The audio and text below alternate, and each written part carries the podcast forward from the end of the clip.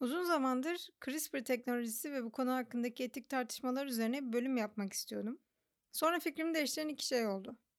Birincisi Netflix'teki bu Unnatural Selection belgesel serisini izledim. Biohacker'ları konu olan bir belgesel bu. Evde genetik mühendisliği oynayan insanlar yani. İzlediyseniz fikirlerinizi duymayı çok isterim aslında. Çünkü ben ilk bölümü izlediğimde ya bu ne saçma bir belgesel manyak mı bir insanlar ne yapıyorlar falan diye başlamıştım. Sonra sinirlenmeye başladığımı fark ettikçe dedim ki ya evet böyle manyak insanlar var ve bunlardan haberdar olmak lazım. Çünkü biri bir gün çok fena bir zarar görecek bu işten. İkincisi de tabii ki sevgili koronavirüsü. Ya bilmiyorum siz ne kadar takip ediyorsunuz ama yeri gelmişken tekrar belirteyim. Ya bu basit bir kış gribi değil. Ki aslında grip de çok can bir şey de. Yani durum gerçekten çok daha ciddi. Lütfen sallamamazlık etmeyin bu salgını. Bu koronavirüs hakkındaki tartışmaların ucu bir sürü farklı dokunuyor.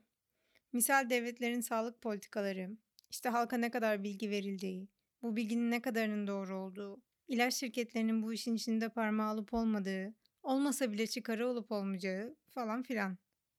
Bütün bunların sonunda anladım ki aslında bu tip sosyobilimsel tartışmaların, burada sosyobilimsel konulardan kastım insan genomunun modifiye edilmesi, klonlama, ötenazi, kürtaj vesaire bu tartışmaların yönünü belirleyen şey konunun kendisinden çok bizim tartışma üslubumuz.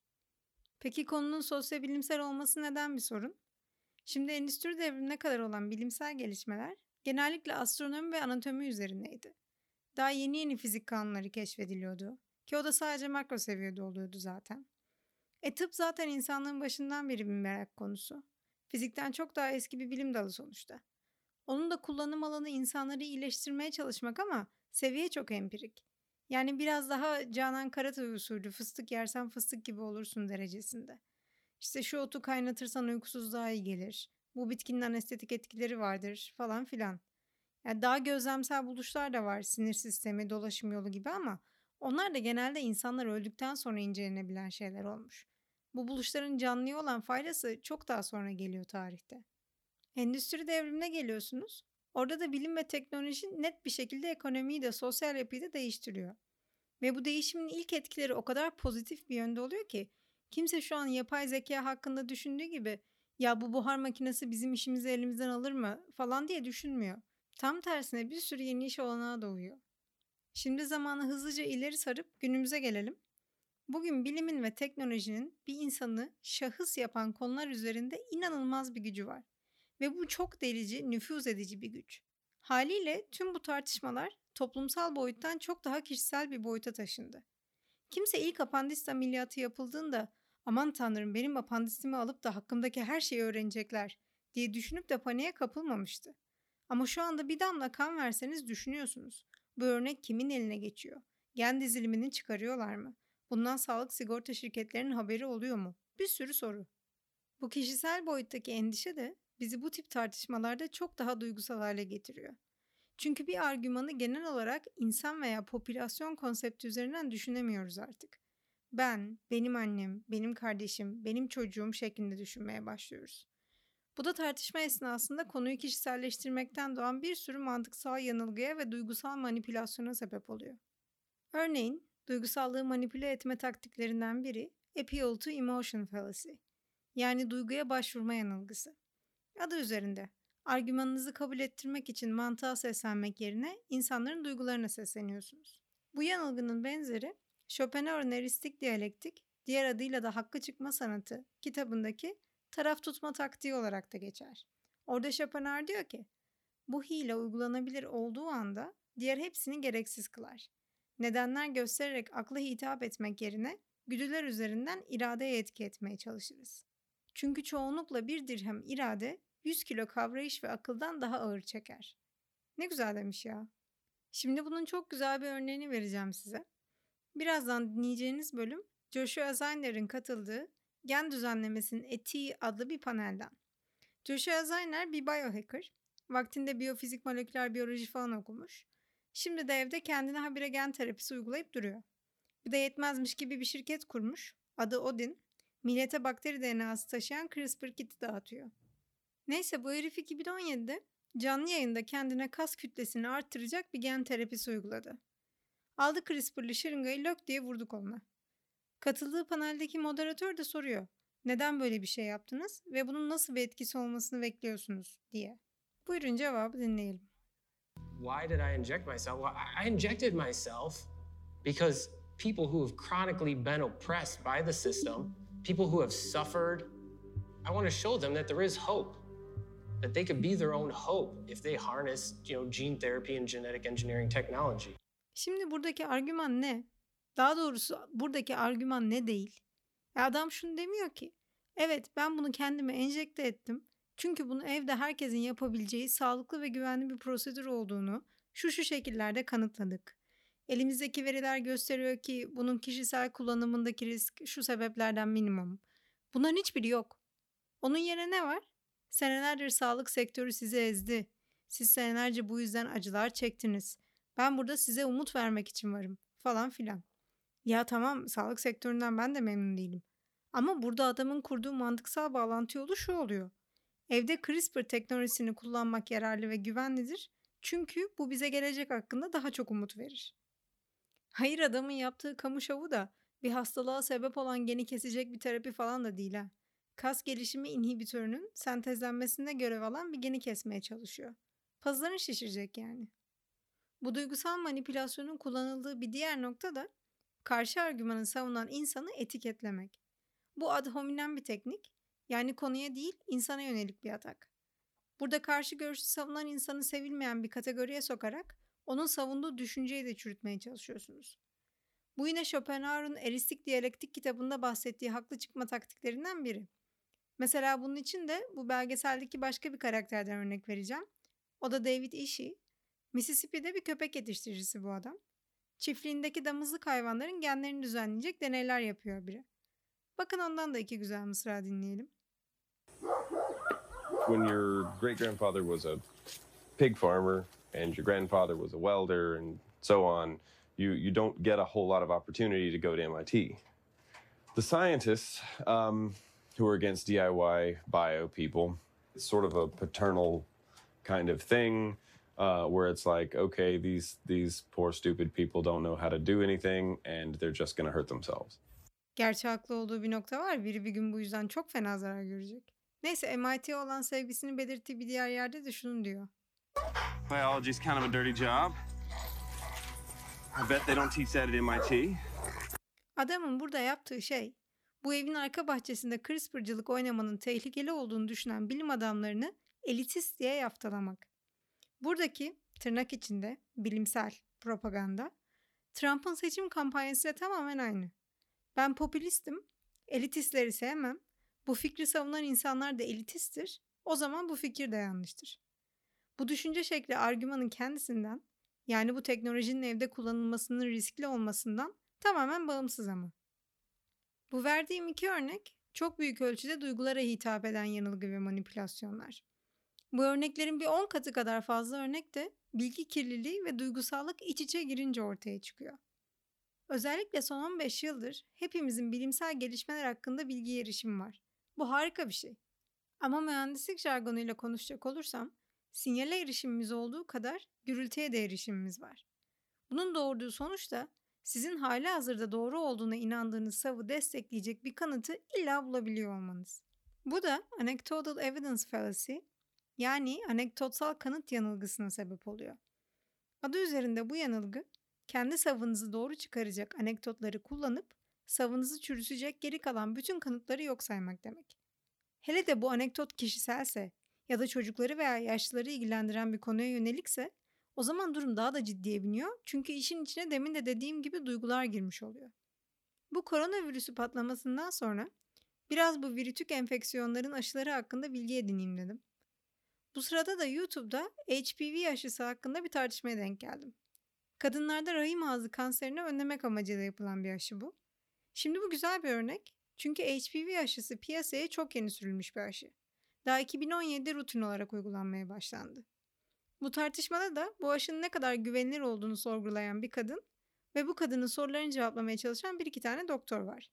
Şimdi en baştan belirteyim, benim birazdan ses kaydını dinleyeceğiniz kadını eleştirme sebebim kesinlikle yeni çıkan bir aşıya skeptik yaklaşması değil.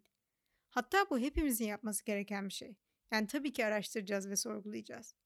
Ama buradaki problem kadının bu araştırmayı yapma sürecinde bulduğu bilgilere olan yaklaşımı. Diyor ki azıcık bu konu hakkında araştırma yaptım ve bu hemen bende alarm çanlarının çalmasına sebep oldu. Solely, Yeah. but what were the things that rang alarm bells for you? So the things that rang alarm bells for me were the number of cases where girls had been reported and, and uh, that they had um, serious side effects. So they were going through autoimmune diseases, um, they were having premature menopause, they were having ovarian failure.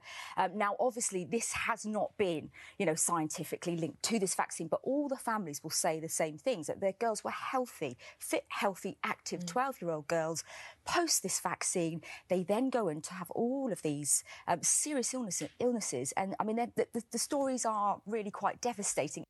Öncelikle burada referans verdiği hikayelerin geldiği kaynak Amerika'daki aşı sonrası istenmeyen etki bildirim sistemi adlı bir gönüllü raporlama sistemi. Bu sistemin tek amacı pasif gözetim. Yani buraya gönderilen raporların hiçbirinin klinik anlamdaki doğruluğu veya gözlenen etkilerin gerçekten aşıdan kaynaklanıp kaynaklanmadığı sorgulanmıyor. Maksat sadece sinyal toplamak. E böyle bir durumda aşıdan kuşku duyduğunuz kadar bu sistemin kendisinden de kuşku duymanız lazım bir kere. Şimdi bu kadının sadece bu savı destekleyen örnekler seçmesi az önce açıkladığım anekdotsal kanıt yanılgısına çok güzel bir örnek. Bu cherry picking fallacy diye de geçer. Yani cımbızla çekme yanılgısı diye de çevirebiliriz bunu. Bu problem tabi bu anekdotları doğru yorumlayamamaktan kaynaklanıyor. Onun da sebebi post hoc ergo propter hoc fallacy. Yani zaman içinde birbirini takip eden olayları neden sonuç ilişkisine oturtma yanılgısı. Bu korelasyonu nedensellikle karıştırmakla anekdotsal kanıt yanılgısını birleştirince ölümcül bir komboya sebep oluyor. Bundan arınmanın yolu da 1.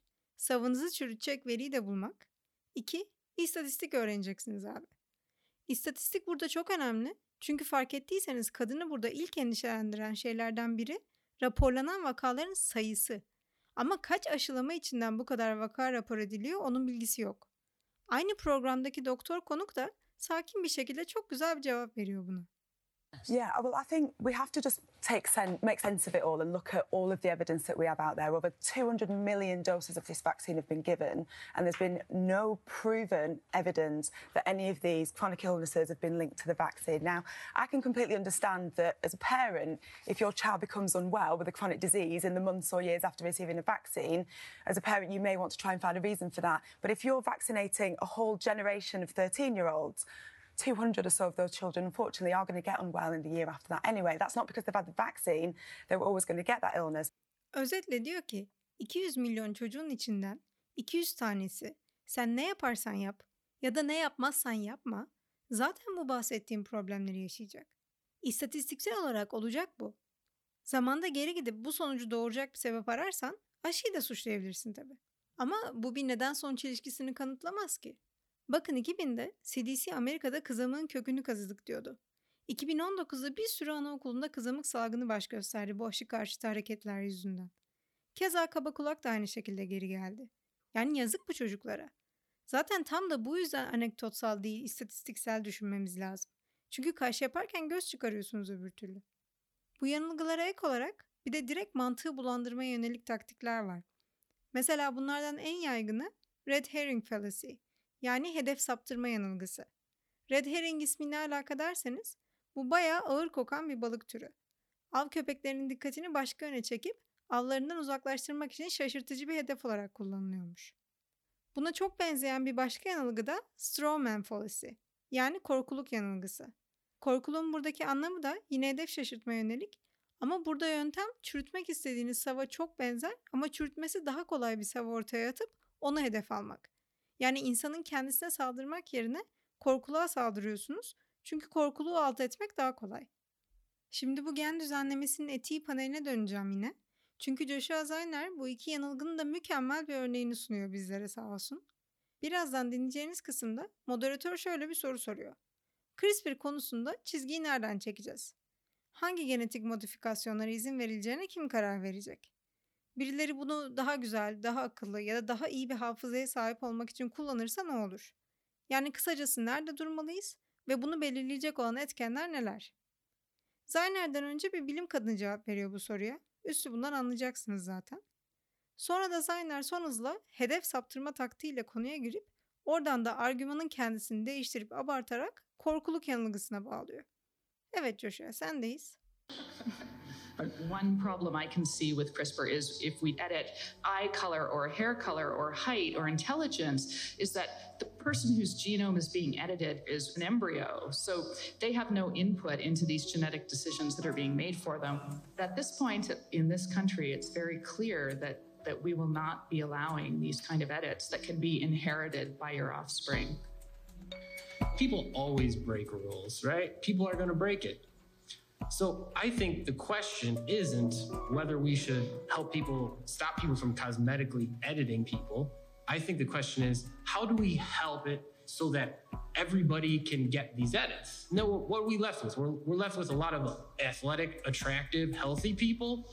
Like, ooh, that's gonna be a terrible world. Uh, okay. I don't. I don't know how to follow up on that, that sentence. Bak önce bir güzel türbinleri oynadı. Kurallar çiğnenmek için vardır falan filan diye. Ki bu da yine eristik diyalektik kitabında bahsi geçen bir taktik. Sonra da açık bir şekilde diyor ki arkadaşlar soru kozmetik düzenleme yapıp yapmamamız gerektiği değil. Ben soruyu müsaadenizle bir güzel saptırıyorum. Aslında esas soru bu teknolojiyi herkese nasıl ulaştıracağımız. E tamam ama ilk soruyu niye atladık nasıl atladık şimdi? Oradan da hızını alamıyor. Durumu sanki bu genom düzenlemelerinin hepsi çok başarılı sonuçlanacak da herkes taş gibi olacakmış gibi lanse edip ben buradaki problemi göremiyorum diyor. Garibim yanındaki bilim kadını da argüman bu şekilde ifade edilince e ben buna nasıl cevap vereyim şimdi deyip kitleniyor tabii ne yapsın? Bu panelleri, forumları böyle cerrahi bir şekilde kesip inceleyince bu yanılgılar çok net ortaya çıkıyor ama o akışın içindeyken bunun farkına varmak herkes için çok zor. Maya Angelou ne demiş? İnsanlar söylediklerinizi ya da yaptıklarınızı unutur ama onlara neler hissettirdiğinizi asla unutmazlar. Mühim olan o paneldeki insanların o odadan çıktıktan sonra bu konu hakkında ne hissediyor oldukları. Şimdi bu insanların çoğu bu teknolojinin evde uygulanmasının güvenli olduğunu düşünüp bir de bunu çoluğunda çocuğunda olan bir hastalığı iyileştirmek için bir umut olarak görürse bak şuraya yazıyorum çok insanın canı yanacak. Bakın CRISPR uygulaması şu anki haliyle hedef dışı mutasyonlar üreterek çok büyük zararlara sebep olabilecek bir teknoloji. Buradaki problem insan genomu gibi büyük genomların birbirine özdeş veya çok benzer homolog bölgeler içermesi. CRISPR-Cas9 proteini asıl kesmesi gereken bölge yerine bu bölgeye benzeyen başka bölgeleri de hedefleyebilir. Ki bu da çok yüksek ihtimalle direkt hücre ölümüyle sonlanacak bir şey zaten. Bir önceki koronavirüsü bölümünü dinlediyseniz orada hücre intiharından bahsetmiştim. Hücreler kendi DNA'sında bir dengesizlik sezdiği an daha çok sıkıntıya sebep vermemek için kendini imha ediyor. Hücre ölümü olmasa bile yanlış bir bölgeyi kestiğiniz için hedef dışı bir mutasyona sebep olmuş oluyorsunuz. O da muhtemelen kanserle sonuçlanır zaten. Yani şu anki haliyle CRISPR'ın ticari kullanımı gibi bir şey söz konusu değil. Şimdi diyeceksiniz e bundan bana ne? Yapan kendine yapıyor. Ama olay sadece somatik yani hali hazırda farklılaşmış hücrelerin modifikasyonundan ibaret değil ki. Eşey hücrelerinin de modifikasyonu söz konusu. Eşey hücrelerine yani yumurtaya, sperme ya da embriyoya uygulanan her modifikasyon o noktadan sonra nesilden nesile aktarılıyor. Duymuşsunuzdur Hejiyanku skandalı vardı 2018'de. Bu adam in vitro döllenmeyle elde ettiği ikizlerin embriyolarını HIV'ye dirençli hale getirmek için CRISPR kullanarak modifiye etmişti. Ki bu tabii ki yasa dışı bir prosedür. Hakkında açılan duruşmalar daha iki ay önce falan sonuçlandı. Aralık 2019'un sonuna doğru. 3 sene hapis cezasına çarptırdılar adamı. Tamam niyet güzel. Çünkü ömür boyu HIV'den korunmuş hale geliyorlar. Ama belki de kanser riskini arttırdım bu çocukların. Şu an bunu bilemiyoruz maalesef sorun orada. Daha fazla araştırmaya ihtiyacımız var. Bu değişiklik embriyo hücresine yapıldığı için de sadece bu çocukları etkilemeyecek. Eğer ileride bu çocuklar çocuk sahibi olmak isterse bu modifikasyon onlara da aktarılacak. Bir de bu tip mutasyonların etkileri jenerasyonlar geçtikçe katlanarak büyüyebiliyor. Yani bundan 3-5 jenerasyon sonrasını öngörmek de şu anki bilgi birikimimizle mümkün değil. Diyelim bu da sizi endişelendirmedi. Çünkü sonuçta siz bunu kendi soyunuza uygulamadığınız sürece size ne? Değil mi? Bu CRISPR tartışmasında bence birçok insanın odaklandığı ve esas problemi gözden kaçırmasına sebep olan nokta da tam olarak burada. Abi bir insanı veya bir insan soy ağacını geçin. Tartışma nerede biliyor musunuz? Tartışma sineklerde, farelerde, kenelerde. Yani Afrika'daki sıtma salgınının boyutunu bir düşünün. Her iki dakikada bir çocuk ölüyor sıtma yüzünden bu dünyada. Aslında oradaki belli sinek türlerini haritadan tamamen silsek en güzeli. Hiçbir ekosistem sadece bir sinek türüne dayanmıyor zaten. Bak sineklere de sinirlendim. Bunu CRISPR'la sinekleri kısırlaştırarak da yapabiliriz bu arada. Ve bu deneniyor şu anda dünyada. Bunu güvenli bir şekilde becerebilirsek efsane olur. Ama her sene sıtma yüzünden ölen insan sayısından sineklerin ne kadar tehlikeli bir taşıyıcı vektör olduğunu da anlayabilirsiniz. Amacım buradan biyosilahlara, komplo teorilerine falan bağlamak değil. Ama bu teknolojinin iyi niyetle de olsa gereken şekilde test edilmeden sorumsuzca kullanılması hepimizi ilgilendiren bir problem. Onu demeye getiriyorum. O yüzden de bu konuları tartışırken zor da olsa bu bahsettiğim yanılgıların farkına varmaya çalışın. Sadece başkalarıyla da değil. Sonuçta bir konu üzerine düşünmek demek kendinizle tartışmak demek. Mesela geçenlerde fark ettim. Benim en çok düştüğüm yanılgı appeal to authority fallacy. Yani otoriteye başvurma yanılgısı. Birçok farklı konuda doğru düşündüğüne ikna olduğum bilim insanlarının CRISPR konusundaki düşünceleri de doğru olacakmış gibi varsayıyorum.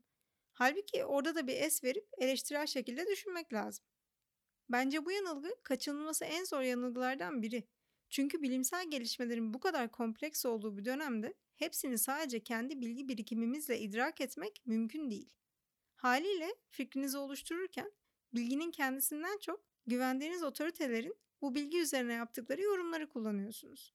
Kimsenin her detayı kendi öğrenip sentezleyecek vakti de kapasitesi de yok. Birilerine güvenmek zorundasınız. Ama en azından ikinci bir kere düşünün yani. Çünkü CRISPR teknolojisi hakkında referanduma gideceğimiz günler çok da uzak değil. Ya belki Türkiye'de biraz daha uzak ama ben Avrupa'da bunu görmeden öleceğimi düşünmüyorum. Bu teknoloji daha bunu keşfeden bilim adamları tarafından bile tam olarak anlaşılmamışken bir de bunun evde hobi amaçlı kullanılması fikri bence hepimizin savaşması gereken bir fikir. Ya aslında ben bu bölümde çok başka şeylerden bahsedecektim CRISPR hakkında. Bir sürü de notlar hazırlamıştım ama olsun. Bu yanılgı konusunu da en azından aradan çıkarmış olduk. Derinlemesine CRISPR etiği diye ayrı bölüm yapacağım söz. Hadi uslu durun oynamayın genlerinizle. Görüşürüz.